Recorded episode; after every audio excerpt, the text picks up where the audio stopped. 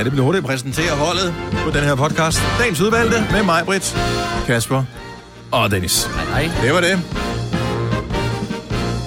Nå, velkommen til øh, vores øh, lille podcast her, som skal have en titel. Ja. Og det kunne jo være så meget som... Øh, 77 pløkker på 60 sekunder. Jeg tænkte også, at det kunne være noget med pomfritter. Der var noget med at sortere pomfritter. Kun lige pomfritter.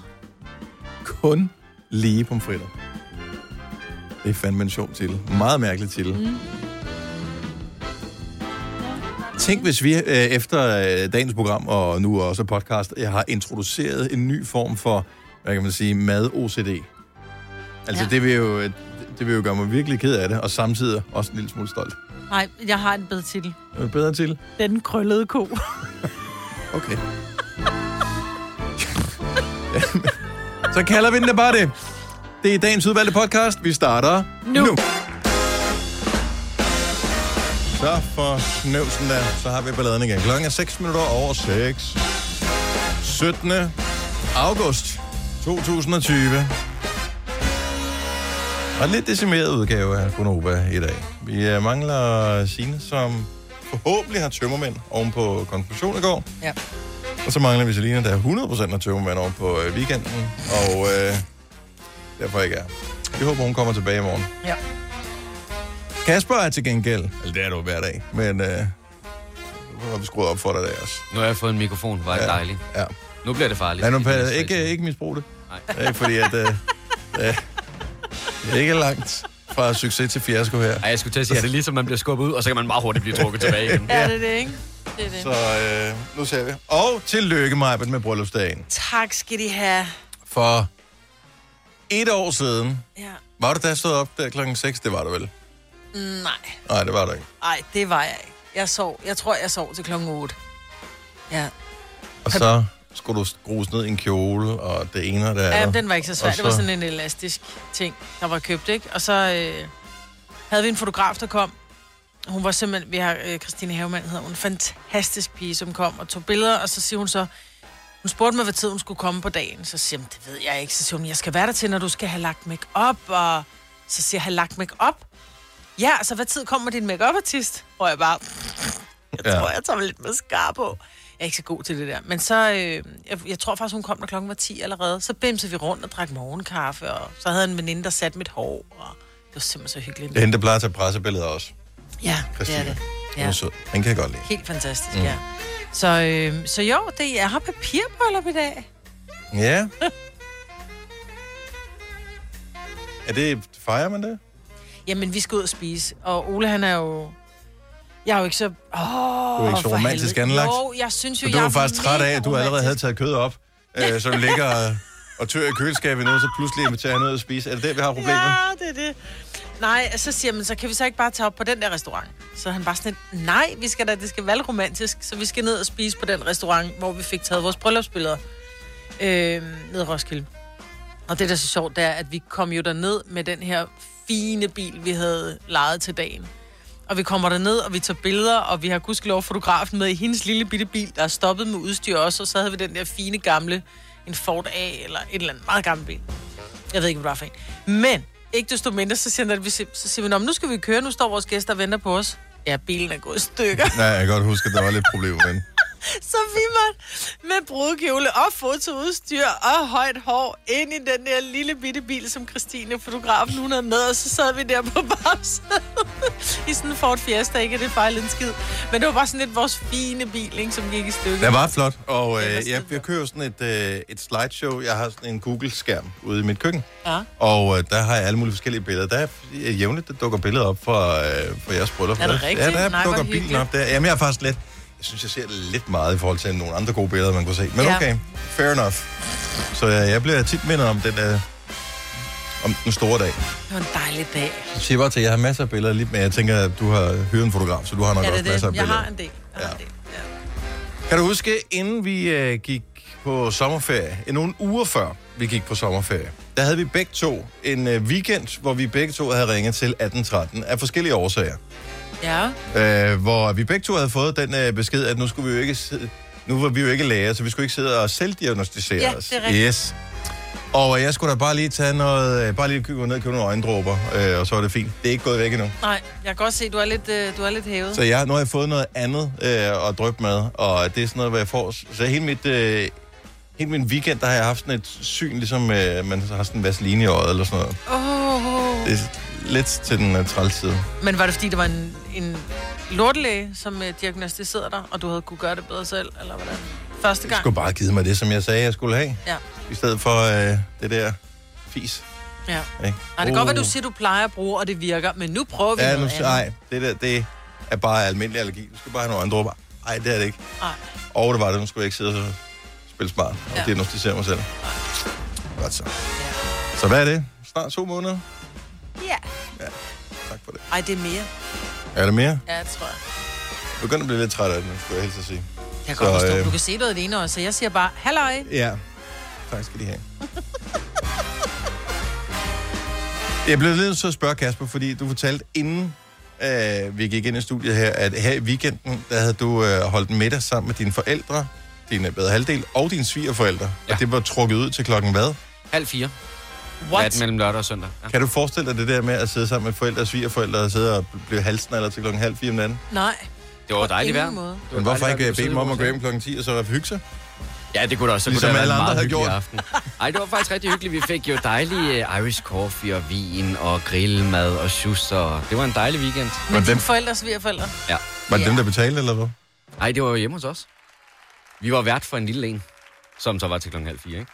Hvor er I hyggelige og gamle, mand. Ja, virkelig, virkelig gamle. Ej, skal vi ikke hygge sammen med forældrene? Det bliver et nej, tak. Tillykke, Du er first mover, fordi du er sådan en, der lytter podcasts. Gunova, dagens udvalgte. Tror alle øh, politikere, at øh, alle mennesker får deres information ved at tænde for fjernsynet og se det der? Fordi jeg synes, at de holder i de der pressemøder, så er det bare sådan, Nå, nu er det sagt alle mulige ting. Hvis ikke du så det i fjernsynet, så vidste så ved du det ikke. Mm. Altså, fra på lørdag skal man i offentlig transport bruge mundbind. Ja.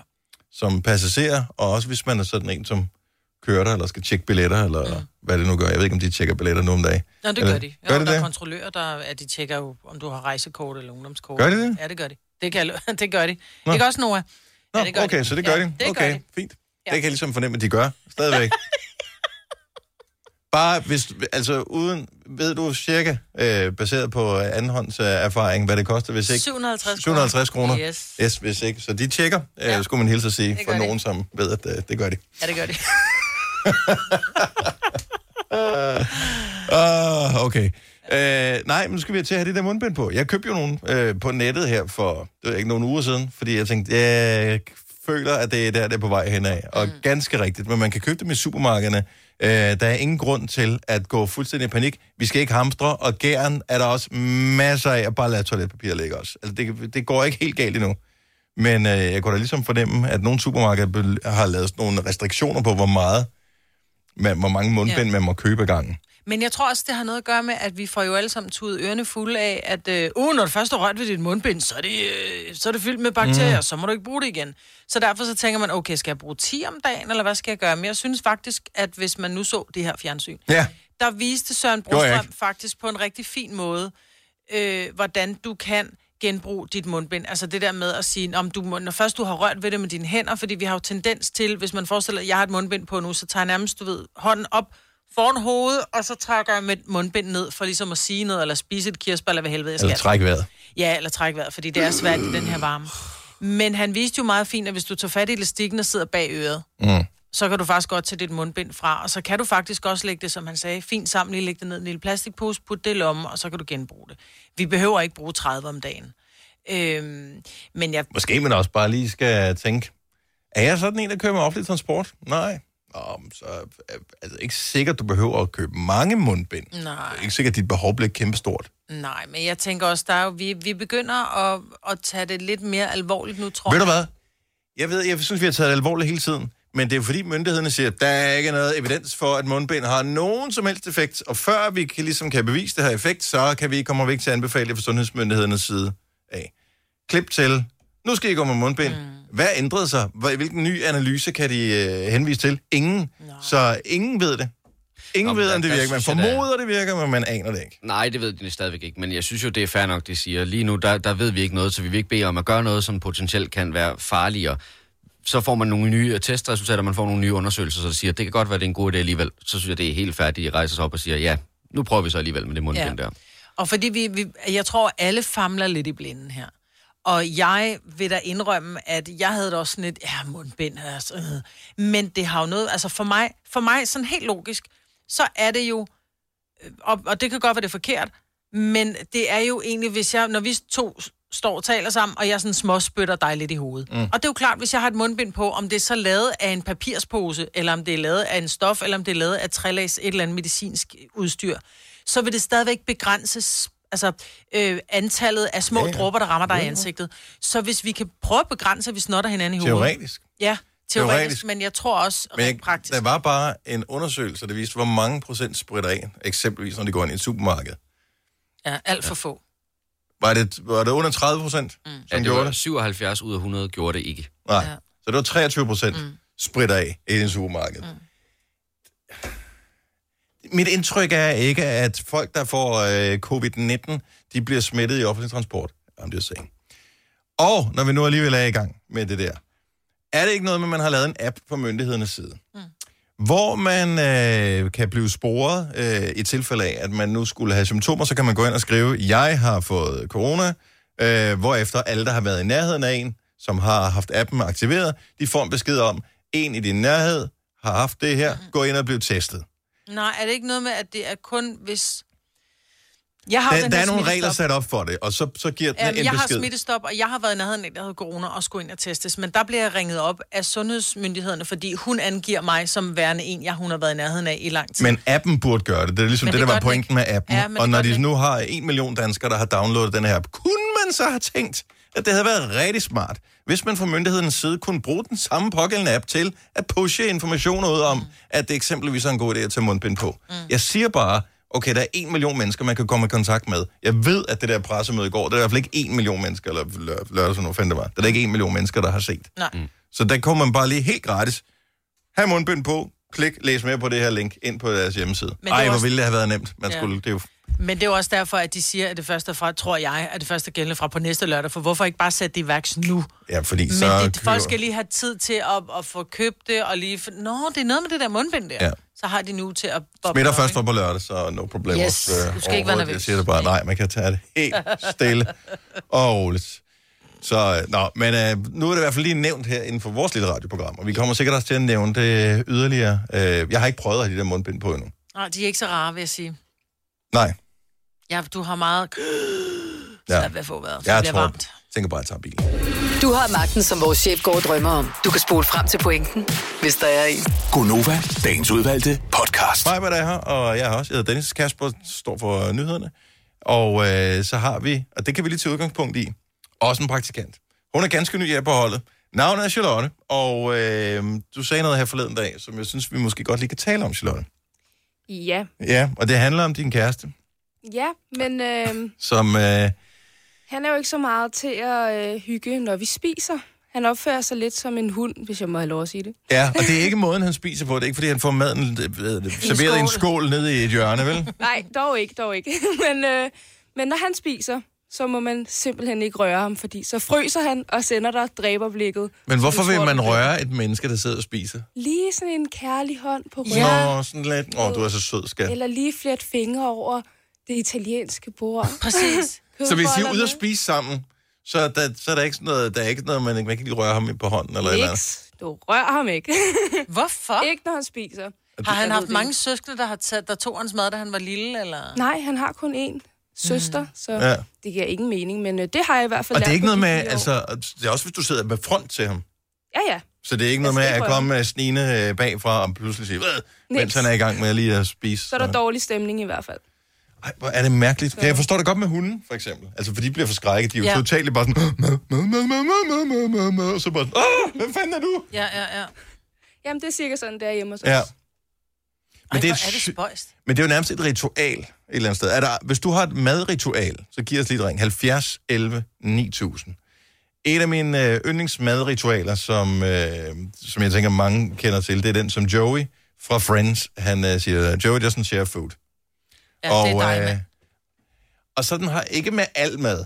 Altså, hvis, lad os nu sige, at jeg eksempelvis fik øh, stiklever, eksempelvis. Så må du bare tage på min tallerken. Du må Du ikke må engang spørge tage det først. hele. Du må tage alt stiklever væk, så der kun er lækre ting tilbage. Men jeg kan huske, vi har været på McDonald's.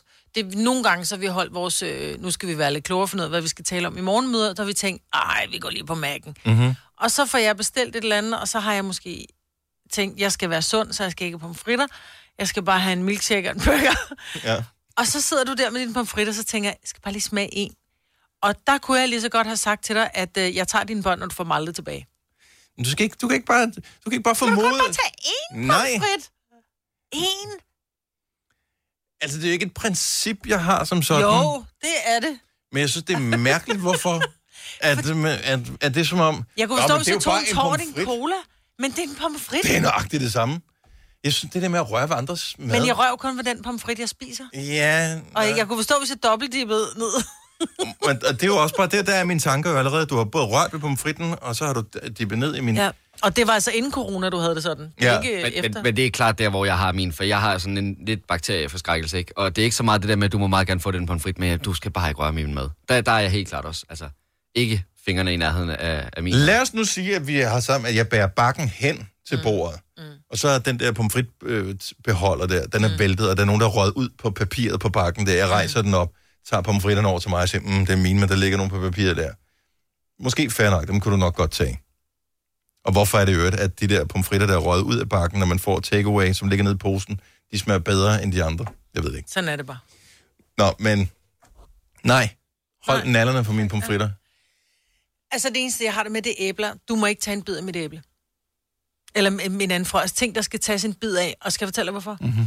Fordi når du tager, forestil dig, når du tager en bid af mit æble, så alt det snask, du har siddende på dine fortænder, det sidder på den næste bid. Ej, ja, okay. Ja, ja, ja. Hvor, hvor mange gange har I i jeres liv sagt, mm, må jeg ikke få en bid af dit æble? Det kunne jeg da godt finde på. Kunne du det? Ej, det var sådan, ej, må jeg ikke lige få en bid af dit æble? Jo. Men det er ligesom pomfritter, det koster to kroner. Køb dit eget. Nikolas Foden, så godmorgen. Godmorgen. Har du, har du nogle madritualer? Ja, og det er faktisk øh, en smule skørt. Min kæreste, hun, øh, hun synes faktisk, det, det er helt åndssvagt. Men jeg, jeg har en vane med, at når jeg skal spise et rigtig godt måltid, så kan jeg rigtig, rigtig godt lide at sidde og se øh, madprogrammer med Gordon Ramsay og Kitchen Nightmares og, og sådan noget. Og øh, det peakede lidt for et par år siden, da, da jeg var med min kammerat i byen. Øh, og så siger jeg, jeg smutter lige ned i 7-Eleven og henter et par pølseord. Og der endte jeg så med at sidde øh, inde i Odense øh, klokken 3 om natten over på noget af amfiscenen og spise min pølseord med høretelefoner i, mens jeg så Kitchen Nightmares. Så det er blevet sådan en ting, du bliver nærmest... Øh, altså, det er jo nærmest en besættelse. Ja, men jeg kan, det, det er som om maden smager bedre, når jeg ser på andet mad. Jeg ved sgu ikke lige, hvad der er galt, men altså, det, det, altså, det, det blev en eller anden vane. Gamle afsnit med kniv på stroben og på bæk. Kunne også gøre det egentlig. Så altså, Men bliver du ikke ærgerlig over den sådan lidt tavlige smag, du får i munden, når du står og kigger på deres mega lækker sådan krondyr eller et eller andet, mens du æder et pølsehorn? øh, jo, men, men så, så, så, drømmer jeg mig vel væk på en eller anden måde. Jeg kan sgu ikke helt Det er forklare. En imaginær snydning der, ja. Jeg synes, det er sjovt, at du, at du, du er klar over, at du har lokaliseret problemet, men du kan ikke forklare, hvordan fanden det er opstået. Og du har, ikke, Nej. du har ikke tænkt dig at gøre noget ved det heller. Det er bare, øh, det, øh, det gør bare et eller andet. Altså, nu er Gordon Ramsay jo lidt en øh, legende i min verden, så, Mm. øh, så øh, ved jeg ikke. Han kommer vel bare sulten. Ja. Jeg kender det godt. Ja. Tak for ringen, Nicolas. Skal du have en dejlig dag? jo, tak. Hej, hej. Hej. Hej. Vi har Marianne fra Aarhus med, som, øh, og vi skal tilbage på mærken igen her, som har et øh, McDonald's-ritual. Godmorgen, Marianne. Godmorgen. Vi taler lidt øh, spøjse madritualer, som helst ikke må brydes. Hvad har du? Jamen, øh, jeg har øh, noget med, at når jeg er på McDonald's med nogen, så skal pomfritterne, alle pomfritterne, de skal hældes ud på en bak, fordi så skal jeg have muligheden for at tage dem, der er lige begge ender, inden de andre, de begynder at spise. Der er lige i begge ender. Der blev, du, Ja. der blev du selv forklaret lidt, lidt yderligere. Jamen, pomfritterne, de skal være lige skåret i begge ender. Jeg skal ikke have nogen af dem der, der er spidse i enderne, eller oh. som er skamstegte eller noget. De skal være lige i begge ender, så smager de bedst. Okay. Men, så du får aldrig takeaway eksempelvis? Jo, det gør jeg, men jeg vil jeg sorterer pomfritterne, når vi kommer hjem så. Og så må min mand, så må han tage dem, der er tilbage. Hold kæft, hvor er du spøjs, mand. Men de skal ikke være lige lange dog, trods alt. Nej, nej, det behøver de ikke. Bare de er lige i enderne. Har du prøvet at lukke øjnene og smage en af de spidse? Ja, men det var ikke det samme. Har du overvejet at skære dem over? Altså skære, at skære den... Ja, så bare fælles? enderne af. altså, hvis det er sådan, at jeg løber tør for pomfritter, der er lige begge ender, så, så er jeg jo nødsaget til lige at knække den ende af, som er spids, for eksempel. Nej, hvor er det sjovt. Jeg kan meget godt lide de spidse der. Ja, det kan jeg også. Ja, det er som om, så de er lidt mere sprøde. Ja, mm, en lille ekstra knas. Jamen, så er det jo perfekt, så er det bare os, der skal dele pomfritter. Ja, Det kan jeg kommer aldrig til at ske. Du rører ikke min pomfritter, Marianne.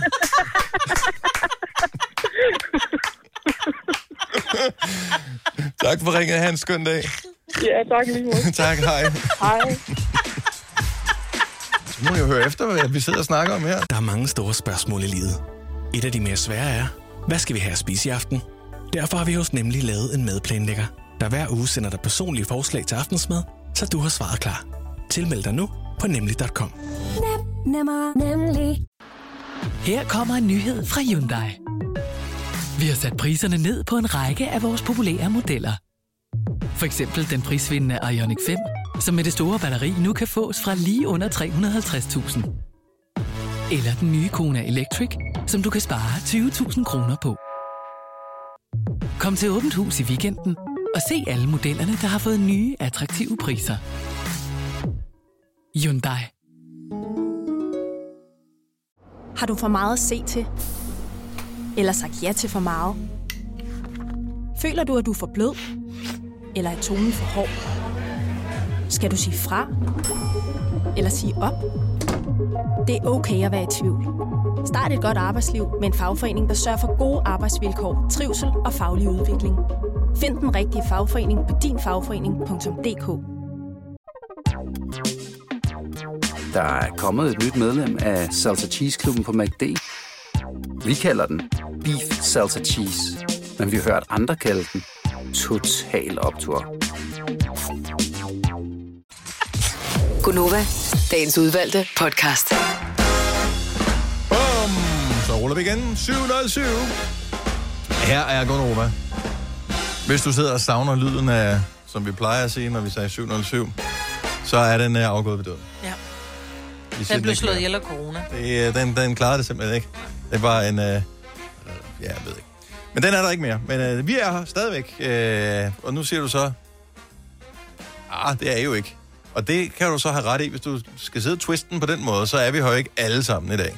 Men uh, det er noget, som kommer til at ændre sig med tiden. Der Ja. ja. kommer vi til at blive markant flere, end vi er i dag. Allerede i morgen tror jeg, vi faktisk i hvert fald får Signe tilbage. Ja. Med hensyn til Selina, der må øh, ingen ved det.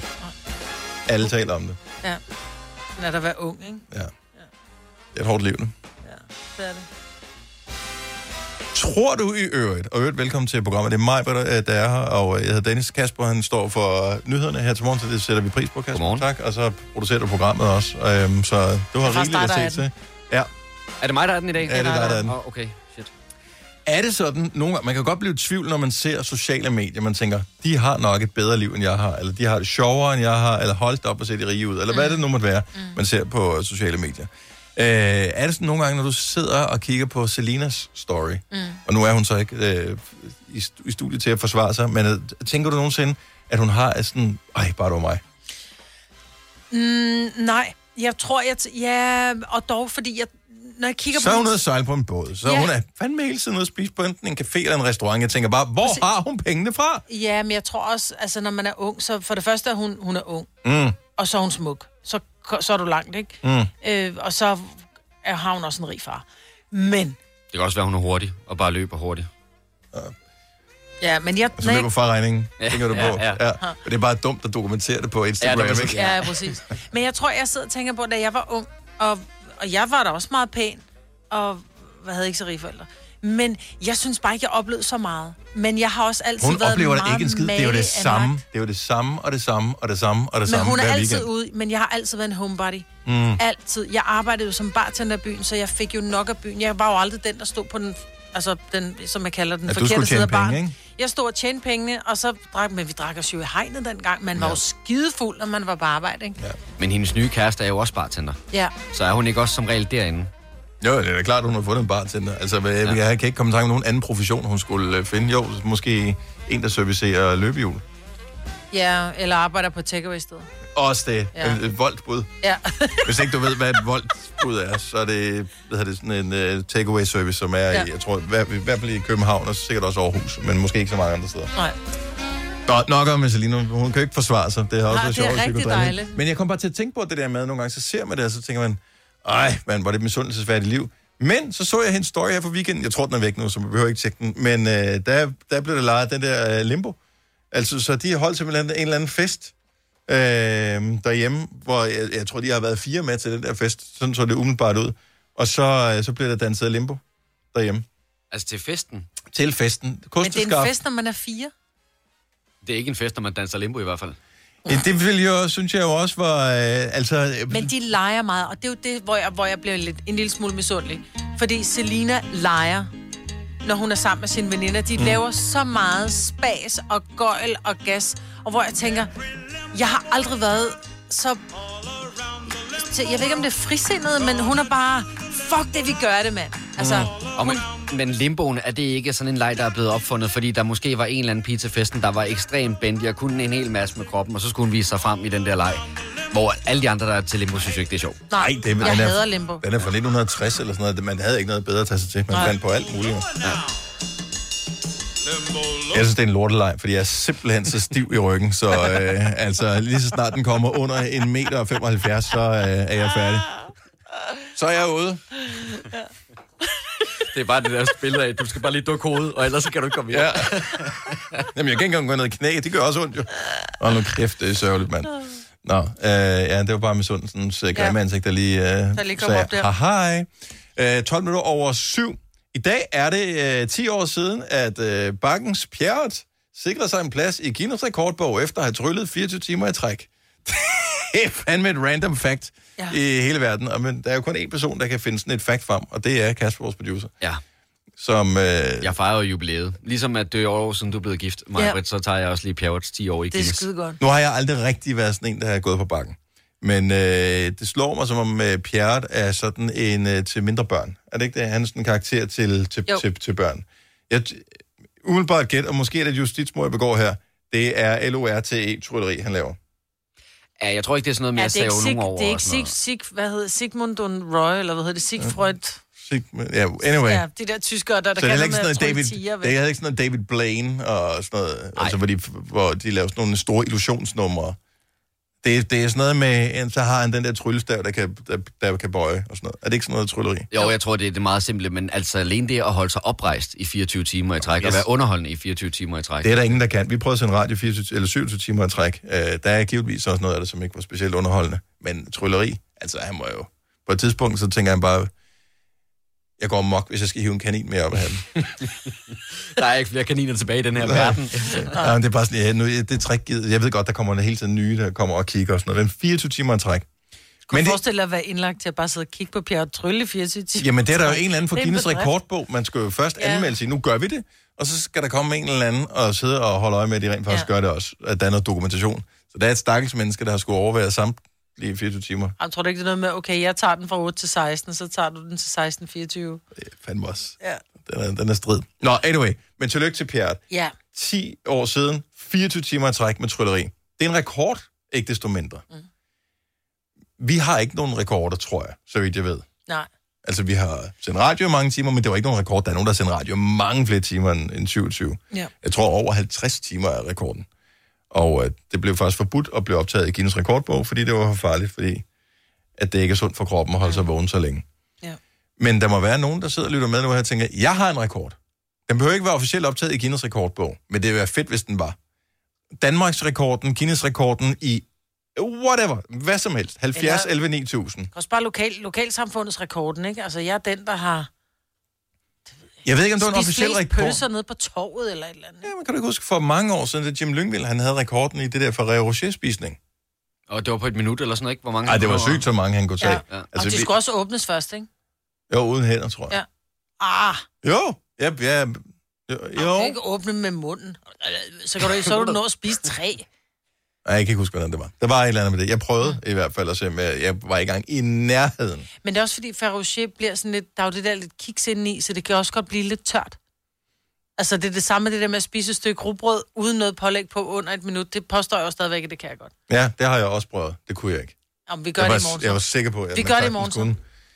Så ville jeg sgu ikke med rugbrød. Det sådan jeg på kur. Det jeg springer lige den over. Nå, Øhm, men så beviser jeg, at jeg kan spise det på et minut. okay. Men det skal være et rigtigt stykke rugbrød. Det skal ikke være ja. de der små, øh, som kun er halv størrelse. Jeg kører det der solsikkebrød. Ja, som er ja. halv størrelse. Som Er det faktisk kun svarer halv til- størrelse? Nå, men så giv mig et stort stykke rugbrød, jeg er ligeglad. Nå, lad os øh, se. Oh, vi har en rigtig god rekord på vej her. 70 11 9000. Det kan være en hvilken som helst rekord. Mm. Martin fra Køge er med os. Godmorgen, Martin. Godmorgen. Vi taler rekorder. Du har rekorden. Er det en Danmarks rekord, eller hvad er det? Ah, det var lige ved at sige sådan en sjællandsmesterskab, var jeg at sige, eller sådan en køge. Okay. Øh, om det er en rekord eller rekord, det ved jeg ikke rigtigt, men øh, tilbage i, i 80'erne, måske var det 89, jeg kan ikke helt huske det, mm-hmm. der var vi en flok øh, drenge fra den lokale fritidsklub øh, skud, som øh, kørte fra Gæsser til Køge i øh, sådan nogle små moonkar i non-stop. Så kørte vi sådan en løbende udskiftning. Så du har rekorden i længste distance tilbagelagt i Mooncar. Ja, samme, samme, samme en, en 7-8 andre. Jo, jo, men en, en timeindsats, ikke desto mindre, det er jo et virkelig, virkelig dårligt øh, stykke køretøj, sådan et, fordi at der er jo ikke nogen gearing på pedalerne. Som regel, så plejer de at være direkte på akslen, altså trækakslen, øh, det er der, du kører på. Det er fuldstændig rigtigt. Altså, vi er enige om, det, øh, vi er enige om, at det er en, altså, det er, altså, nu, når jeg, jeg tænkte først, en mooncar, det er noget med en motor, der er det ikke. Det er pedalkraft, det her, Det, ikke? det er det der i, i, Det er i, ja, i, i børnehaven. Ja. Ja, ja, lige nøjagtigt. Fra Gæsser blev- til Køge. Ja, det var i anledning af Køge 7 års fødselsdag. Og så kørte vi der fra, fra Gæsser til Køge. Der blev sat øh, svejst lidt ekstra ting på, så der kunne sidde en radio. Er du klar over, hvor langt det er? Ja, vi var også øh, en 7 drenge, eller så, der kørte lidt på skift. Det er stadigvæk langt. Og en, Jamen, en, det er det. Og en rekord, hvor jeg bare siger held og lykke med at slå den. Ja. Jeg gad, jeg gad ikke engang. Prøv at slå Nej, men nu er vi for gamle, men altså. Hvor gammel var I der, Martin? Ja, men jeg, jeg er 12-13 år, og der var måske også, der var et par enkelte ældre drenge med fra, måske som i, i, i, i, det større klub, kunne jeg, så vidt jeg lige erindrer det. Mm.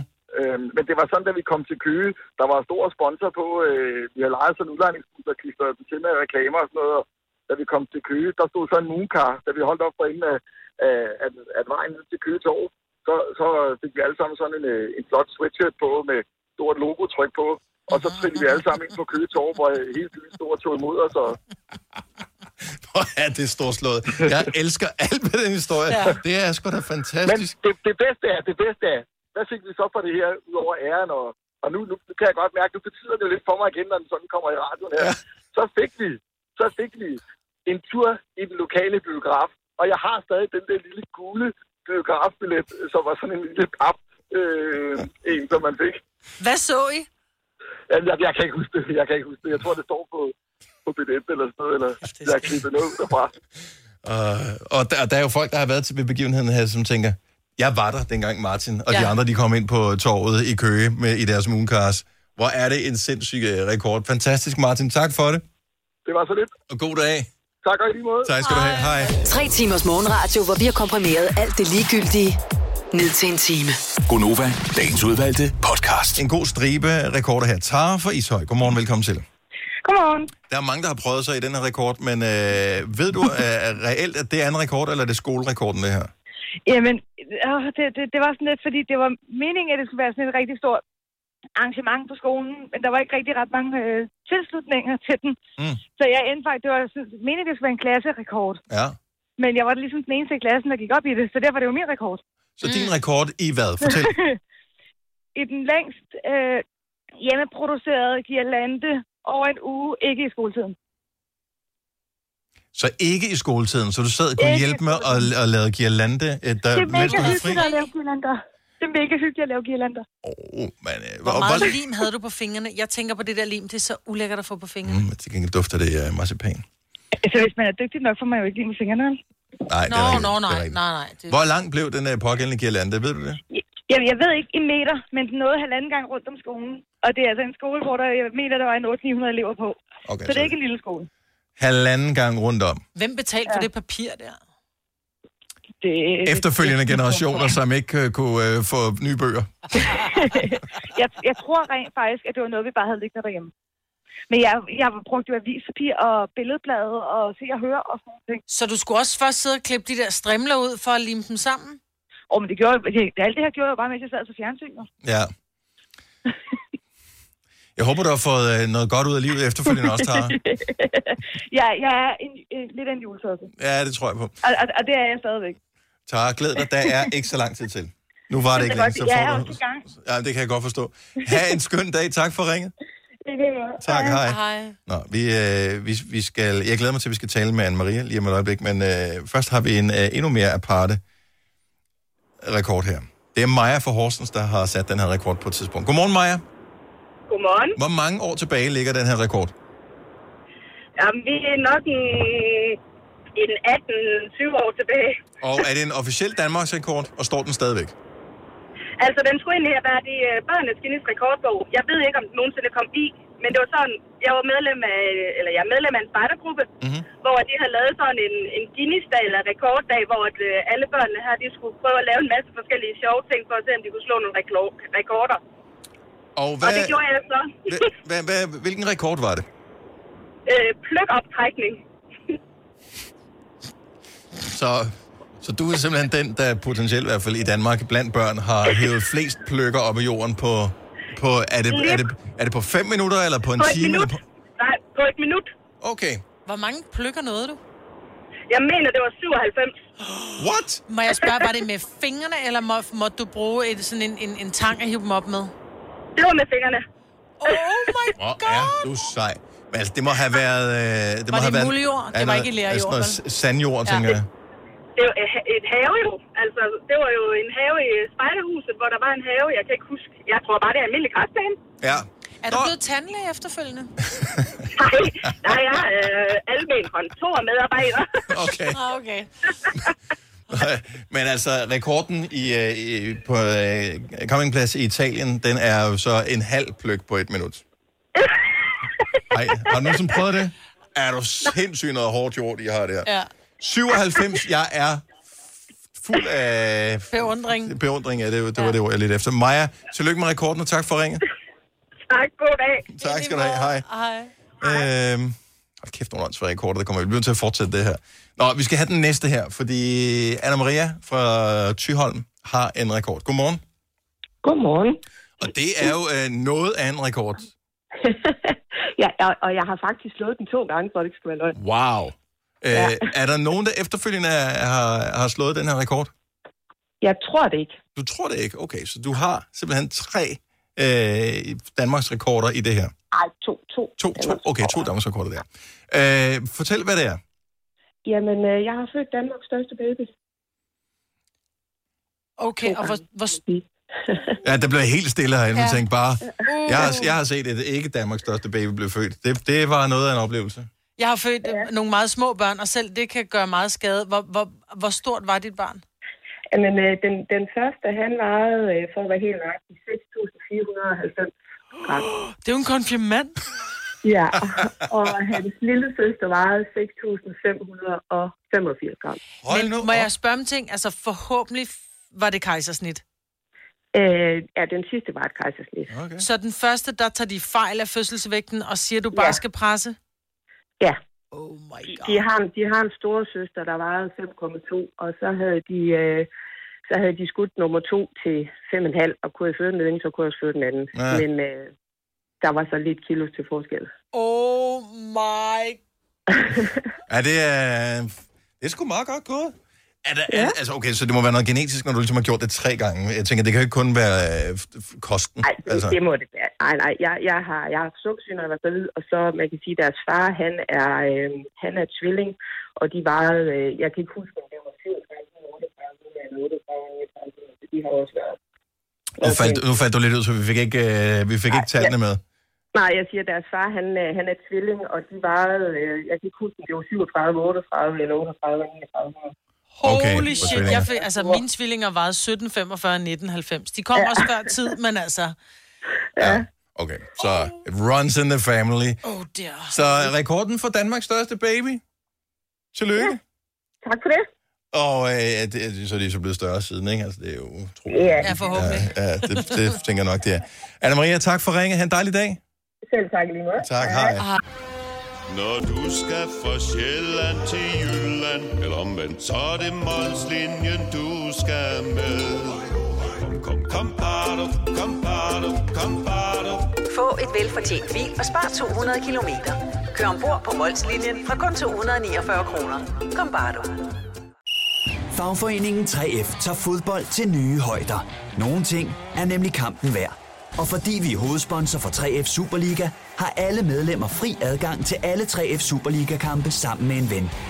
Bliv medlem nu på 3F.dk. Rigtig god fornøjelse. 3F gør dig stærkere. Harald Nyborg. Altid lave priser. Sjehpak. Højtryksrenser. Kun 299. Møbelhund til 150 kilo. Kun 49 kroner. Tilmeld nyhedsbrevet og deltag i konkurrencer om fede præmier på haraldnyborg.dk. 120 år med altid lave priser. Haps, haps, haps. Få dem lige straks. Hele påsken før, imens billetter til max 99. Haps, haps, haps. Nu skal vi have... orange billetter til max 99. Rejs med DSB orange i påsken fra 23. marts til 1. april. Rejs billigt, rejs orange. DSB rejs med. Haps, haps, haps.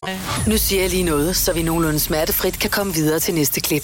Det her er Gunova, dagens udvalgte podcast. Vi har Michael Folborg med på øh, telefonen, som har en, en øh, Danmarks rekord. Øh, godmorgen, Michael. Godmorgen. Er det en officiel rekord, det her? Det er en officiel rekord, ja. Og øh, hvornår blev den sat? Den blev sat helt tilbage i 2012. Okay, så der har været mange, mange år til at slå den, men ingen har øh, ligesom gjort forsøget endnu. Nej, det, det er åbenbart ikke lykkedes endnu, fandt jeg lige ud af. Så fortæl, hvad rekorden er i, og øh, så skal vi have nogle detaljer bagefter. Jamen, jeg har Danmarks rekorden i hurtigt tilbagelagt 10 km på et cykel. Ja. Ej, hvor vildt. Er du ude af sådan en cirkusfamilie? Nej, det er jeg godt nok ikke. Havde dine forældre ikke råd til en hel cykel? Den har jeg aldrig hørt før.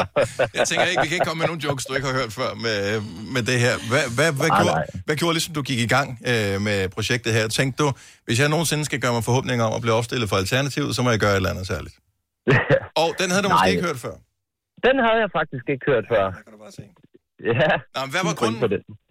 Jamen, øh, altså, det startede jo med, at der var idiote cykler på den fritidsordning, jeg gik i, dengang jeg var mindre. Mm. Og så, så tog det lidt overhånd, og så blev jeg meldt ind i en åbenbart en idiote cykelklub.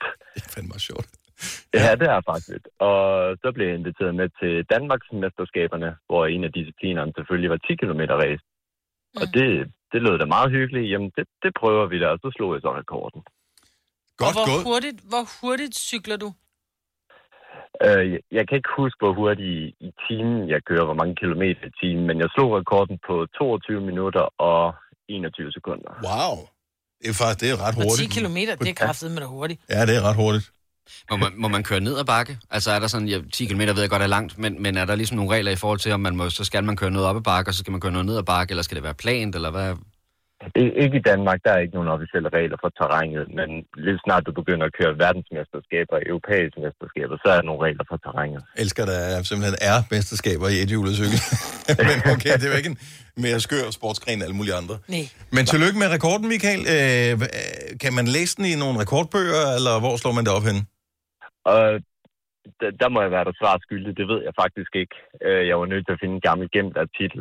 Mm. Øh, men, jeg, men jeg har været inde og google det her efterfølgende, og jeg har ikke fundet nogen artikler, eller om at der er nogen, der har slået rekorden. Nej, men nu kan jeg love dig for, at der er nogen, der får blod på tanden, Ja, der det tænker, er det skal fandme være løgn, den kan jeg gøre hurtigt. Tak for det, Michael. Ha' en dejlig dag. Ja, tak. Og i lige måde, og tak for et godt program. Tak skal du have. Hej. Okay. Hej. Lad os lige tage fra en Michael til en Mikkel i Jøring. Det her, det er jo en fremtidsrekord potentielt. Godmorgen, Mikkel. Godmorgen. Så du har ikke sat den endnu? Nej, det kommer først til at foregå den 12. i 9. Men du er rimelig sikker på, at du kommer til at sætte den her rekord? Jeg kommer til at slå den. Okay. Øh, hvad er den nuværende rekord? Øh, 52 spring. Og øh, fortæl lige, hvad en rekord i hvad?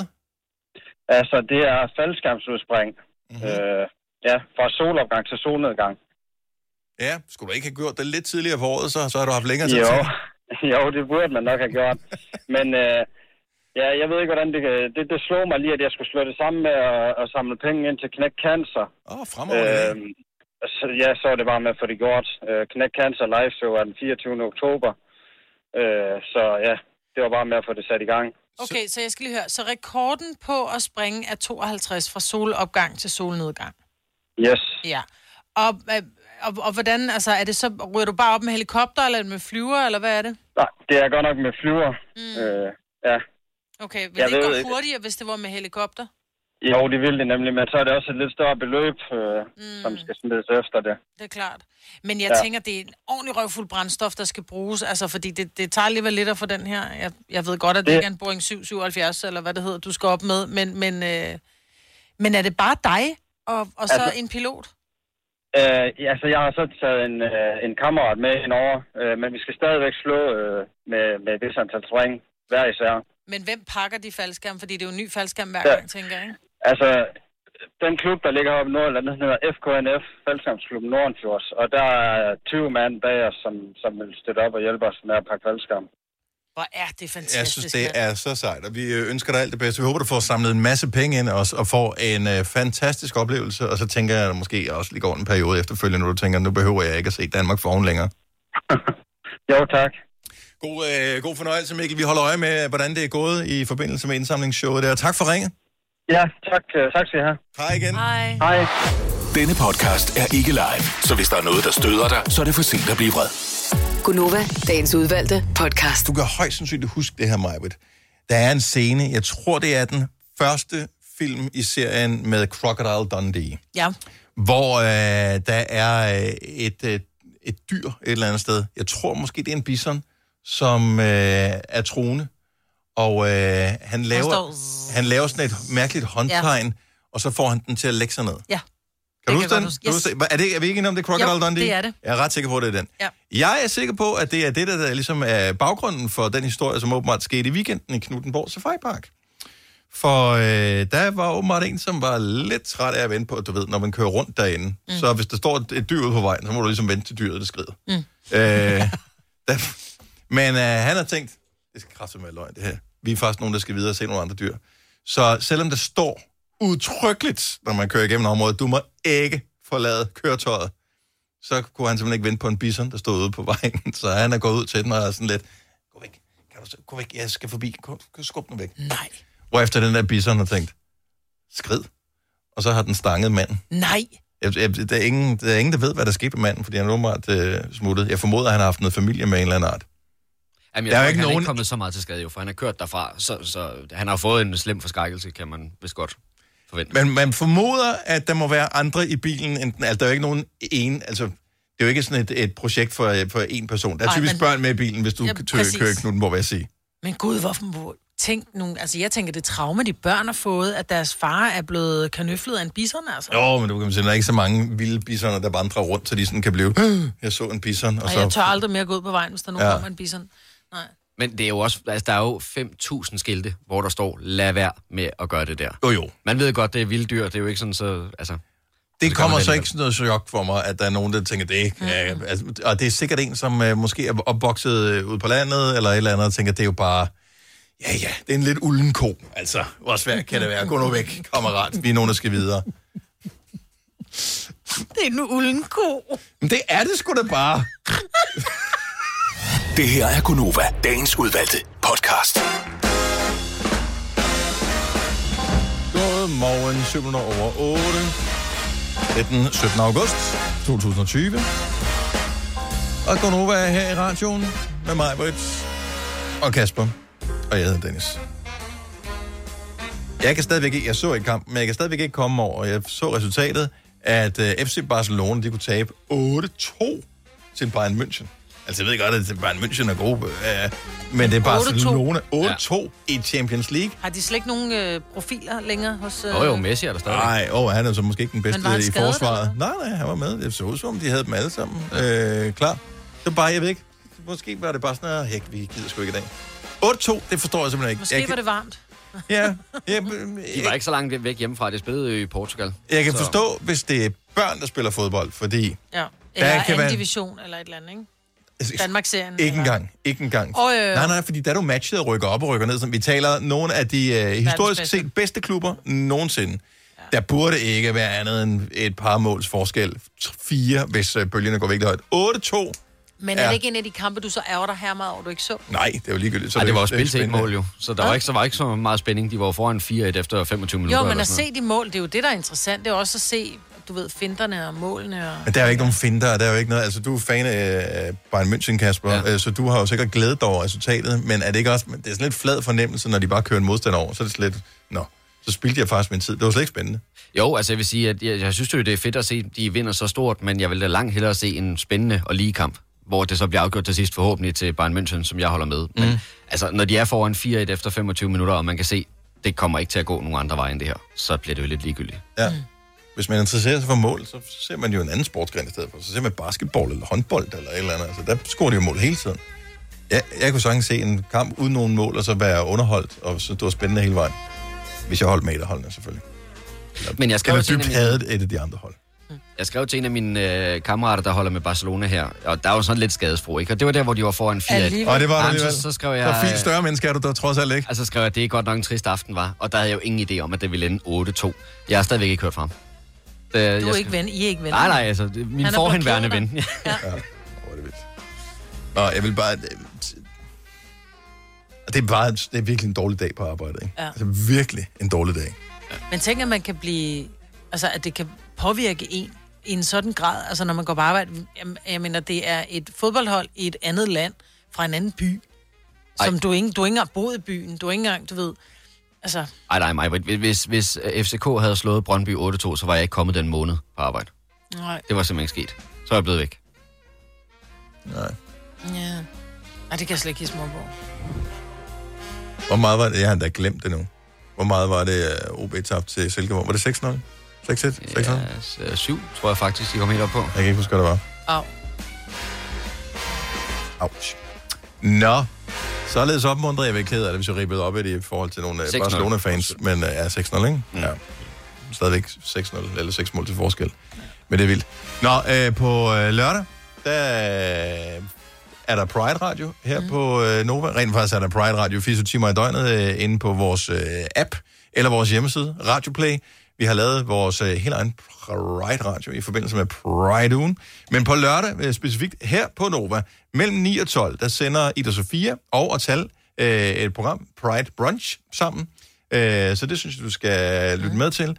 Og, øh, og ellers så, hvis du mangler nogle Pride-sange til ligesom at fejre Pride-ugen, så øh, tjek vores Pride-radiostation, som øh, er inde på Radioplay. Nu prøver jeg lige at gå ind på den her.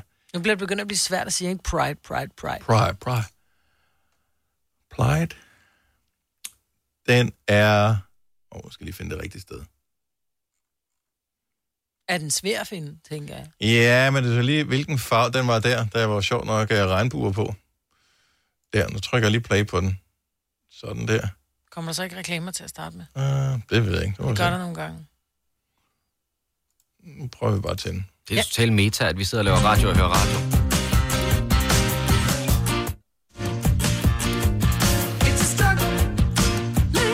Sisters, Sisters. Take your mama. Den spiller lige nu. Det skal da godt Pride nummer.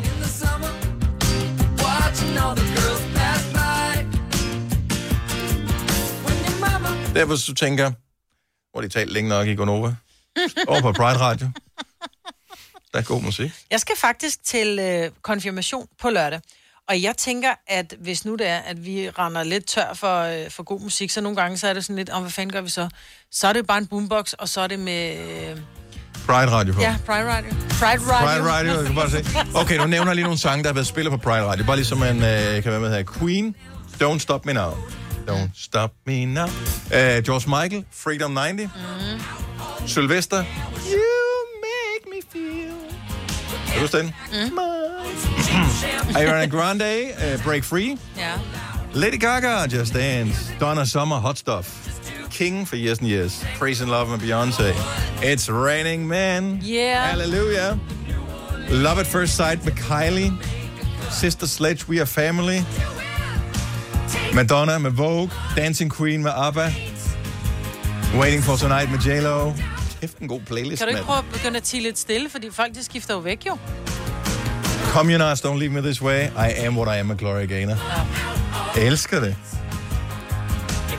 Everybody's Free med Rosella. Do you wanna funk med? Hold nu op, mand.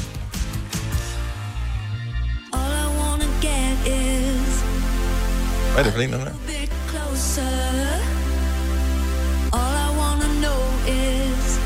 Kan vi ikke bare skrue op for den og så gå hjem? Jo. Alle vil vinde med den beslutning. Nå, Pride Radio finder du ind på uh, radioplay.dk. Uh, at du kan, hvis du uh, vil direkte derind, så skriver du uh, radioplay.dk, skråstreg, Pride Radio. Pride Radio, hvis du er i tvivl om, hvordan det staves. Så uh, god fornøjelse. Og det er god, det er happy-go-lucky musik, ikke? Jeg synes, der Hvis er man kan sidde med mundvigerne nedad, når man hører det musik, så er det fordi, man står på hovedet, altså. Det er et sjovt billede, bortset for det. Det er et skægt billede. Men vi talte faktisk lidt om det her i, øh, i sidste uge, fordi vi tænkte, hvordan kan vi markere Pride-ugen øh, her i øh, Gonova også? Og jeg ved ikke, om det er for meget at forlange, det mandag morgen og, og sådan noget, men vi har jo tidligere gjort, at vi øh, på alle mulige forskellige vis, øh, både her i programmet, men også øh, Nova som station og sådan noget, har vi bakket op om Pride, om mangfoldighed, om, øh, om retten til at være præcis den person, man er. Ja. Og, øh, og derfor tænkte vi, i, i mangel af større fantasi, at øh, der måske var noget, hvad kan man sige, noget glædeligt og noget øh, hjertevarmt og noget positivt ved at høre om, øh, om der var nogen, der ville dele, hvordan det, hvilken oplevelse det havde været at fortælle omgivelserne, eller forældrene, eller arbejdspladsen, eller hvem det måtte være, øh, om den situation, man nu var i. Altså, hvordan øh, spring ud historier. Mm. For der må være nogen, som har gået og groet og groet og groet og groet og groet. Og pludselig så øh, tænkte jeg, okay, nu gør jeg det simpelthen. Fortæller, hvordan øh, verden hænger sammen. Ikke, at det rager nogen, men det forventes ligesom, man gør det åbenbart. Og så har fået vildt mange positive ting ud af det. Ja. Fordi det er bare der, hvor vi som øh, radioprogram og som radiostation, og du som øh, mennesker, der ligesom har taget beslutninger og har været igennem hele processen, kan være med til at hjælpe andre til at tage springet mm. og stå ved, hvem de er. Ja. Fordi du er god nok, som du er. Uanset hvad du er. Lige hvem du er. Der er jo nogen, som fortæller de der historier, at når de så endelig sprunget ud, de har sagt, mor, det er meget vigtigt, nu skal vi tale sammen, eller far, og de sådan siger, jamen, hvad er det? Jeg vil bare sige, at for mit vedkommende, så... Oh, altså, jeg har mødt en, som jeg elsker rigtig meget, og hun hedder Ulla. Mm. Og så kigger forældrene og siger, men det vidste vi jo godt. Altså, Ja. vi, ikke at hun hed Ulla, men vi vidste jo godt, at det var en pige for fanden. Ikke? Ja. Fordi det har bare, du har ikke sagt det højt, men det er jo, det er jo bare, det har vi jo vidst. Og så må det være en kæmpe forløsning, altså at den, den, at den er, som man siger, ud af skabet. Ikke? Mm. Altså, jeg prøvede det med en kammerat, hvor det kom fuldstændig bag på mig. Det var øh, på universitetet, hvor vi var en øh, drengegruppe, vi var en 5-6 stykker, og vi havde altid det der med, så sad vi i weekenderne og drak nogle øl og spillede noget FIFA og talte om damer og sådan noget. Og da han sagde på et tidspunkt til os, øh, undskyld, jeg har sagt det her noget før, men jeg er faktisk til fyre. Og det kom fuldstændig bag på mig. Der var ikke nogen, der havde noget overhovedet problem med det. Det, det var fantastisk og sejt, han turde. Men jeg havde slet ikke set den komme Mm-mm. mm-hmm. overhovedet. Så det var sådan et wow. Nej, men det er også fordi, jeg tror i dag, så er det blevet så stereotypt, at hvis du er, hvis du er, hvis du er bøsse, så er du, øh, øh, sådan Ja. der. Men det behøver du ikke nødvendigvis at være. Og hvis du er lesbisk, så skal du være sådan en betonhande, som går rundt i, i, i- store støvler og karseklippet med afbladet hår og sådan noget. Det er jo ikke sådan, det er i dag. Mm. Det er jo altså, ikke en udklædning at nej, tage på og, og have en anden seksuel observans end flertallet. Det er jo Og så, så, så det er jo, så det er jo derfor, det er er, jeg synes jo, det er fantastisk, når så der er det her Pride, hvor at, at bøsserne går all in, og, og mange af dem øh, bliver, bliver altså, går, de, de er bitte små øh, sølvshorts, så der går helt, må, må man sige, der går Gustav i den, som han var, da han var rigtig wow, Mhm. mm-hmm. uden at det er noget dårligt. Det, jeg mener det, jeg siger det i kærlighed, men det er sådan, at det synes jeg jo også er skægt, men det er jo ikke sådan, at du nødvendigvis Og kan jo kigge på fest, et jo. menneske, præcis, men det er ikke sådan, at du kan kigge på mennesker og sige, nå, han har lidt løse håndled, men så er han i bøsser, for jeg kender også mænd, der har løse håndled, som ikke er bøsser. Når du skal fra Sjælland til Jylland Eller omvendt, så er det Molslinjen, du skal med Kom, kom, kom, bado, kom, bado, kom, bado. Få et velfortjent bil og spar 200 kilometer. Kør ombord på Molslinjen fra kun 249 kroner. Kom bare du. 3F er fagforeningen for dig, der bakker op om ordentlige løn- og arbejdsvilkår i Danmark. Det er nemlig altid kampen værd. Bliv medlem på 3F.dk og få en masse fordele og muligheder, som blandt andet fri adgang til alle 3F Superliga-kampe til dig og en ven, løntjek, hjælp til efteruddannelse og meget, meget mere. 3F gør dig stærkere. Harald Nyborg. Altid lave priser. 20 styk, 20 liters affaldsposer kun 3,95. Halvanden heste Stanley kompresser kun 499. Hent vores app med konkurrencer og smarte nye funktioner. Harald Nyborg. 120 år med altid lave priser. Haps, haps, haps. Få dem lige straks. Hele påsken før, imens billetter til max 99. Haps, haps, haps. Nu skal vi have... Orange billetter til max 99. Rejs med DSB Orange i påsken fra 23. marts til 1. april. Rejs billigt, rejs orange. DSB, rejs med. Haps, haps, haps. Ja. Hvis du kan lide vores podcast, så giv os fem stjerner og en kommentar på iTunes. Hvis du ikke kan lide den, så husk på, hvor lang tid der gik, inden du kunne lide kaffe og oliven.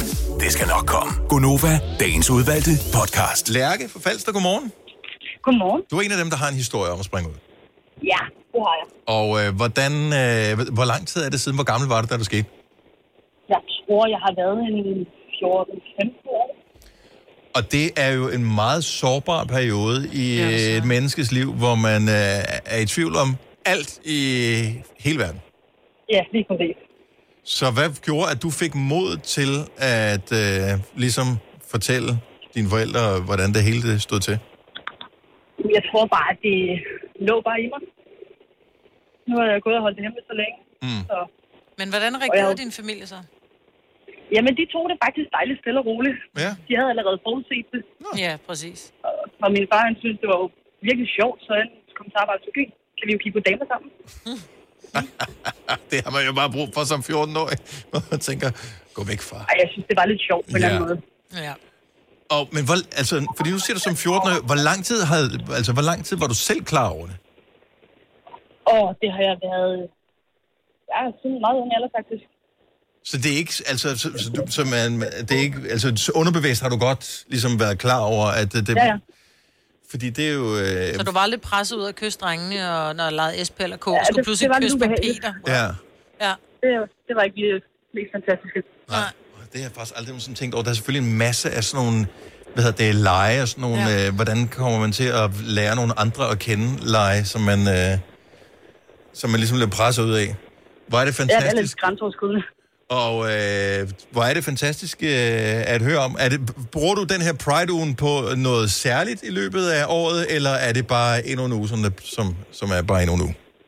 Både og. Altså, lige nu der holder jeg det faktisk med min kæreste og hendes datter. Mm.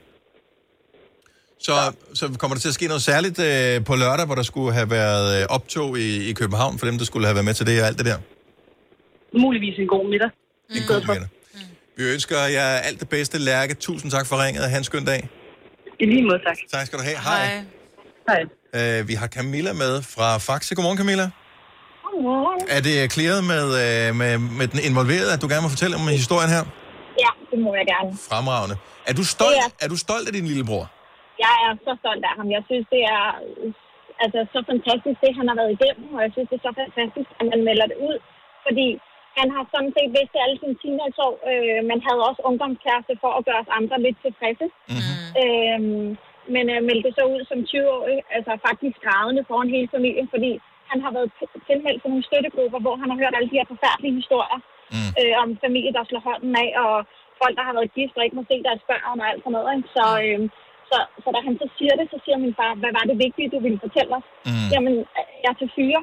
Jamen, det har vi jo altid vidst. Ja. Og, og som han siger, det har været det bedste øjeblik i hans liv, fordi den der lettelse, der kom over, der kom over ham. Ikke? Så han er så tilmeldt til nogle støttegrupper i dag, for nemlig at kunne give den gode historie videre. Men øh, det mener altså ikke, at jeg har nogen specifikke oplevelser i den her forbindelse, men øh, hvis man øh, har været gravid, eller har været, hvad kan man sige, pårørende, far til en, der, er- eller hvad hedder det, kæreste til en, der er gravid, så har, hører man også om alle de forfærdelige fødselshistorier. Åh, de der ikke? armestuehistorier, få Og- dem nu væk. Og, være. øh, og det er jo sjældent, den slags bekymringer bliver til alvor. Mm. Hvor er det dejligt at høre. Jeg elsker at høre hvad hedder det, stoltheden over uh, brormand. Det kan jeg super godt lide. Tak, Camilla. Tak for det. God dag. Og i lige måde. Hej. Øh, lad os tage nogle flere her lige om et lille øjeblik. Vi skal lige opdatere os på øh, nyheder, så håber jeg, at vi kan tage nogle flere spring ud i historier. Det er Pride uge, hele ugen her, så hvis du har lyst til at dele med os, 70 11 9000. Kasper, lad os lige få lidt overskrifter. Ja, der skal være færre børn i klasselokalerne. Hvis det står til SF ifølge partiet, så skal klasseloftet sænkes fra 28 til 24 elever per klasse, så man altså sikrer sig, at der er nok tid til hver enkelt elev. Pia Olsen Dyr, der er formand i SF, mener, at man under coronakrisen har kunne se, at eleverne de trives langt bedre, når de er inddelt i hold med færre elever. Og forslaget vil ifølge partiet koste 100 millioner kroner i 2021. Det er efterhånden et stykke tid siden, at et flertal i Folketinget blev enige om, at vi skal udlede 70% mindre drivhusgasser herhjemme i Danmark i 2030. Men står det til de radikale, så bør vi indføre et delmål, så vi allerede i 2025 sikrer os, at vi har mindsket udledningen med 54%. Og et sådan delmål har regeringen dog helst vil undgå, men nu presser de radikale altså på igen. Det skal være muligt at opspore smittekæder med coronavirus på tværs af landegrænserne, og derfor arbejdes der lige nu hårdt på at få den danske app Smittestop til at samarbejde med nogle af de udenlandske versioner. Og meldingen er, at det vil være muligt inden for få måneder. Været præsenteres af Radio Play. Varmt og solrigt, vestpå perioder med lidt mere skydevejr. Temperatur i dag mellem 25 og 30 grader. Programmet præsenteres af Elgiganten Erhverv. Elektronik og hvidevarer til store og små virksomheder. Og af efterårsnyheder på boost.com. Fashion, kids, sport, beauty. Lad det være en inspiration for andre at øh, høre om din historie, hvordan du sprang ud 70 11 9000. Det er Pride uge i den her uge, og vi har anne Christine fra Årslev med på telefon. Godmorgen, anne Christine. Godmorgen. Du har jubilæum i år. Ja, det, altså, det gik lige op for mig. at, øh, Det, det må være lige her omkring. Kan du, øh, kan du huske, hvordan du gjorde det for 10 år siden? Jamen altså, jeg havde været på Island og til at arbejde, og så til en fest, hvor der er en pige, jeg havde danset med og havde kysset mig. Så var det ligesom, at der gik det bare op for mig. Og da jeg så kom hjem øh, nogle uger efter, så tænkte jeg, ej, hvordan skal jeg fortælle det her til min familie? Så jeg, jeg besluttede at fortælle, at jeg var biseksuel, for det var, det var ikke helt sådan, uh, det var ikke helt så farligt. Nej. Og så, øh, så siger jeg til min mor, at øh, jeg jo havde haft den her oplevelse, og jeg altså tænkte, at jeg var biseksuel, og så grinte hun egentlig bare af mig og sagde, nej skat, du er altså lesbisk. Og, så, så, okay, så mor måtte simpelthen ligesom udlægge teksten og sige, prøv at høre skat, det er sådan her, det verden hænger sammen. Det havde hun egentlig vidst i mange år, hvor jeg havde det sådan lidt, kunne du ikke have sagt det noget før, så havde jeg haft en lidt nemmere teenage-tilværelse. Ja. ja. Hvor, hvor gammel var du, da du, øh, da du sprang ud? Jamen, jeg var 24. Ja, det er lang tid at gå og vente. Og, og, og det gik, altså gik det seriøst først op for dig der, øh, da du havde den oplevelse øh, på Island? Jamen, jeg havde, jeg havde flere gange haft drengekærester, sådan også det der med, at for at være lidt ligesom de andre, og man blev præsenteret for nogen, og, sådan, og, og det holdt aldrig mere end de der tre uger, så kunne jeg bare slet ikke være i det mere. Nej. Og, jeg- og jeg havde det virkelig, virkelig svært med det, men det gik virkelig ikke op for mig før, at den her pige, som jeg hverken kan huske navn eller ansigt på i dag, øh, kyssede mig som tak for dansen. Og det, og det var simpelthen, det var der tiøren den faldt for dig. Fuldstændig. Jeg havde bare tænkt, at jeg måske ikke lige helt var... øh, Altså, jeg måske bare ikke var så god til det der med kærester. at Jeg, ja. Jo, ja, du ikke har fundet en helt rette dreng, du ved, ikke? Ja, ja men lige præcis, ja. ikke? Altså, jeg, jeg var nok bare lidt anderledes. Det var jeg så også. Jeg synes bare, man, altså, man, jeg får sådan lidt den der, man bliver sådan helt lidt- ked af det, øh, over at man, og vi er alle sammen som mennesker, nervøse for, at vi ikke er rigtige, at vi ikke gør det godt nok, at andre dømmer os og alt muligt andet. Men, at, men det er bare noget så grundlæggende, det der med, at man skal bare have lov til at elske den, man nu engang gerne vil elske. Ja. Om det er en, den ene eller det andet køn, det er jo ikke vigtigt for andre, end dem, der ligesom er involveret. Overhovedet ikke. Altså, og det, jeg synes faktisk, det er lidt sjovt, fordi hende, jeg er kærester med i dag, vi kyssede sammen på Langlandsfestivalen for ja, de der 10 år siden. Og der tror jeg heller ikke helt, hun vidste, hvad, hvad det var. Det var bare sådan lidt en, en hyggelig øh, aften. Og der er så gået 10 år, og i dag er vi kærester øh, og har været det i et år. Jeg kan godt lide, at det er sådan lidt, det, det er sådan lidt paid forward-agtigt i virkeligheden. Jamen, det er, det er sådan lidt hyggeligt, faktisk. Tillykke med, øh, med jubilæet, og øh, tusind tak, fordi du vil ringe og dele med os. Det var dejligt, at I vil lytte, og dejligt, at I har fokus på det. Tak skal du have. Ha' en skøn dag. Hvis du er en rigtig rebel, så lytter du til vores morgenradio-podcast om aftenen. Gunova, dagens udvalgte podcast. taler om at springe ud. Thomas fra Bogen, så godmorgen. Morgen. Så øh, du har også en andenhåndsberetning, og der begynder at tegne sig et mønster her, at det er noget, der er åbenbart er svært for mænd at fortælle om øh, offentligt, at man, øh, at, man, at man er til mænd. Ja, det tænker du ret i. Mm. Altså, det her, det handler om min storebror, øh, og vi har ikke kendt hinanden altid. Vi har først lært hinanden at kende i det, vores voksne liv. Øh, og jeg har vidst, at han var der hele tiden, men han har ikke vidst, at jeg var der. Okay. Så da vi endelig får kontakt til hinanden, jeg tror det er tre gange, jeg øh, har set ham, og så ringer han til mig dagen efter og siger, der, der, der er altså noget, jeg bliver til at fortælle dig. Så siger han, bare kom med det. Og der gik to timer før, det kom ud. Ja. Hvor jeg til sidst siger, at nu bliver du simpelthen nødt til at sige, hvad det er, du gerne vil sige. Mm. Og så siger han, jamen, det- jeg er jo til mænd, siger han, så siger han, prøv at høre Jesper, det er jo ligegyldigt, hvil- hvilket køn du er til min dør, er der altid åbent alligevel. Ja. Og man kunne bare høre i den anden, at hans skulder, de faldt bare helt til, til gulvet, altså. Ja. Det var den første familie, der havde fortalt det. Og I har ikke engang, altså I havde ikke engang... Og vi har ikke kendt hinanden, øh, nej. Må- Måske var det i virkeligheden, at han havde brug for dig som overgangsperson til ligesom at Det sige, okay, at du kan ikke have nået at bygge særlig mange fordomme op omkring ham endnu på det tidspunkt. Præcis. Ja, det kan godt være. Og, og, Så hvor- jeg synes bare, det er fedt. Altså, øh, og efterfølgende, Ja, hvordan det- har det været? Altså, øh, resten af familien, hvordan tog de det? Tog de det fint? 100 procent. Altså, han stillede sig op til vores fars 50-års fødselsdag og sagde i mikrofonen til alle, mm. familie og venner og det hele, at øh, bare lige så ved det, så er jeg til mænd. Men det er jo egentlig også sørgeligt, altså i virkeligheden, at man er nødt til at bekende seksuel kulør Ja. ja. over for andre mennesker. Et eller andet sted, hvad Absolut. rager, det, hvad rager det dig, hvem jeg har lyst til at holde i hånden, ikke?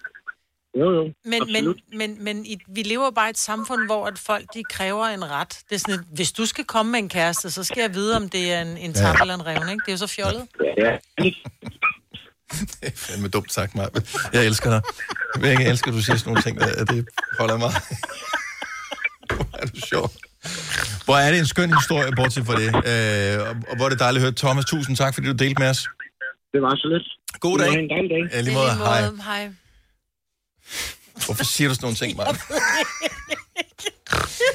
Nej, vi talte faktisk om, mens vi hørte musik lige for et øjeblik siden, at der er bare et eller andet over, at det åbenbart er øh, mere socialt acceptabelt for kvinder at sige, at de godt kan lide at være sammen med kvinder, end det er for mænd at være sammen med mænd. Mm. Eller det er i hvert fald den opfattelse, man får. Mm. Øh, det er nemmere for kvinder. Måske er der også noget med det der med at bekende sig til sine følelser, fordi det der at være øh, LBGT, eller hvad man nu øh, hvad hedder det, er, øh, det er måske, fordi kvinder er mere i kontakt med deres følelser, og er mere vant til at tale om følelser, hvor mænd er sådan nogle...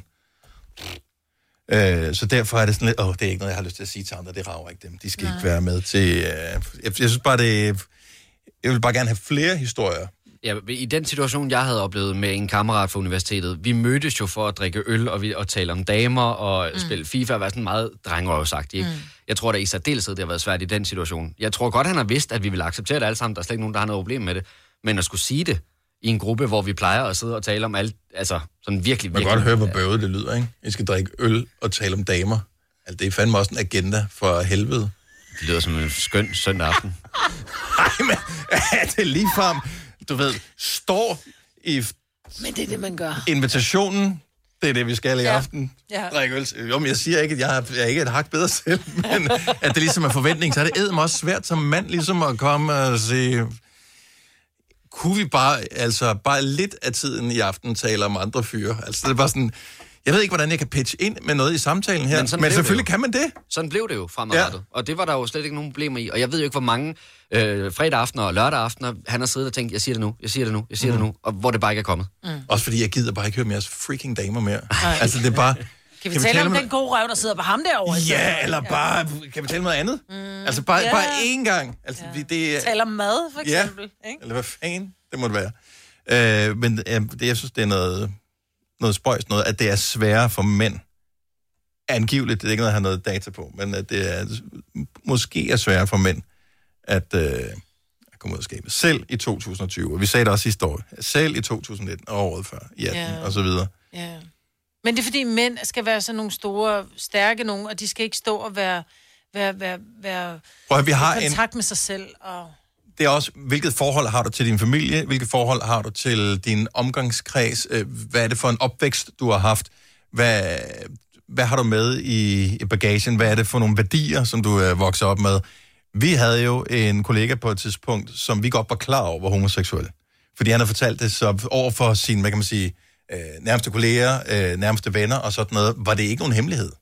Men han var ikke vild med at skulle fortælle over for sin familie. Nej. Det har han så gjort efterfølgende. Hold kæft, hvor var han bange for det der. Mm. Øh, og det var ikke nemt. Nej. Og, og det, det, det skurede lidt, og det øh, tror jeg rystede øh, familien i sin grundvold. at, øh, at han var et bøsse, altså. Ja. Men det var også fordi, han havde haft forhold til kvinder i mange år. Men nu, hvor han så er kommet ud, og, og, og familien har accepteret det, han ser sin familie, du kan simpelthen se, at hans skuldre er jo kommet ned. Åh, altså, han, han- er blevet et helt andet menneske. Han stråler, han stråler. Ja. Mads fra Horsens, godmorgen. Godmorgen. Så det er jo ikke fryd og gammel det hele, selvom vi øh, sidder og, og taler det op. Det er, det er også svært, ikke?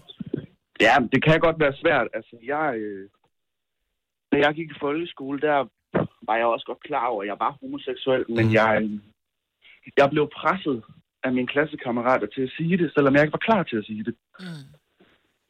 Øh, Og det, så- det tænker ja. jeg, at, at hvis der er noget, man ikke har brug for i den situation, så er det at få et markat påklistret, som man ikke kan slippe ud af. ja, og det blev bare sådan, det blev nærmest gjort til en sport, så det blev nærmest mobning. Mm. Øh, Var der det andre, blev- øh, altså, var du klar over, var der andre i, hvad kan man sige, øh, klassegruppen eller på årgangen eller et eller andet, som, som også var homoseksuelle, hvor du tænker, okay, hvis vi nu var nogle flere, så kunne vi være sammen om det her, eller hvad ved jeg?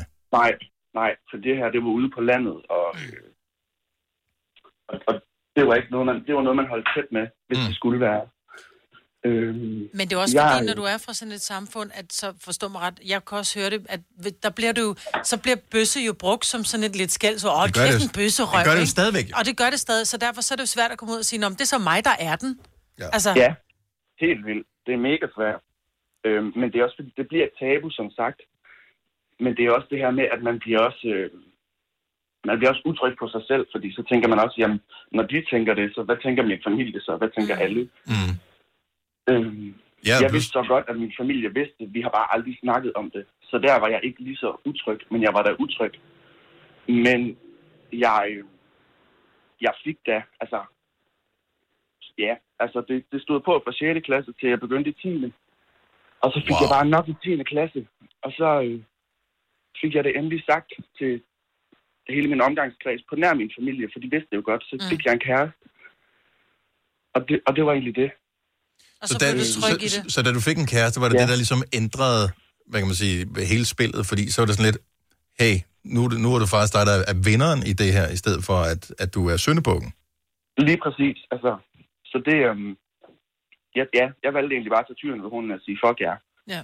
Men helt ærligt, Det Mads, så. altså hvis, jeg ved, du kan ikke ændre fortiden noget som helst, men set i bagspejlet, og også hvis andre øh, unge mennesker lytter med her er i situationen, altså jo før man involverer sin familie, som vil gå igennem ild og vand for, i de fleste tilfælde for deres børn, jo før man involverer ja. familien, jo hurtigere vil de kunne hjælpe en. Fordi det er jo klart, fra 6. til 10. klasse, hvis du har gået med det her, og blevet mobbet og blevet mm. udsat og blevet alt muligt andet, de kunne jo have hjulpet, eller have gjort et eller andet, eller kunne have skiftet skole, eller hvad fanden ved jeg. Et eller andet. Ja. Ikke op? Men, og det er jo det. Men det er det, man bliver så utryg i. Men ja, man skal bare ud med det. Er du Man okay? ved, det er der. Er du okay ja. i, i dag? Er alt er, er, er det ok, eller er det stadigvæk svært? Er det, holder du det hemmeligt, eller hvordan? Nej, det er alt, alt er åbent og frit, og er det alle høre. her. Hvad byder ja. ugen her på? Uh, fordi altså, vi- vi vil gerne fejre og uh, sætte fokus på Pride-ugen her uh, hvad hedder det, på Nova. Ja. har, har du nogle hvad kan man sige, øh, ritualer eller nogle ting, som der kommer til at ske i løbet af ugen her, eller er det en almindelig uge for dig? Jamen, øh, nu har corona sat en rimelig stor stopper for det. Øh, så jeg, jeg kommer nok til at arbejde lidt mere. Mm. Men, uh, men havde det været et almindeligt år, havde du så været klar på, uh, på, på, på fest og gang i gaden? Ja, for satan. Det havde jeg. Var det godt at høre. Mads, tusind tak, fordi du delte med os. Ha' en fremragende dag. I lige måde. Tak skal du have. Hej. Hej. Hej. Det her er Gonova, dagens udvalgte podcast. Tak fordi du lyttede med. Det sætter vi pris på. Ha' det godt. Hej hej.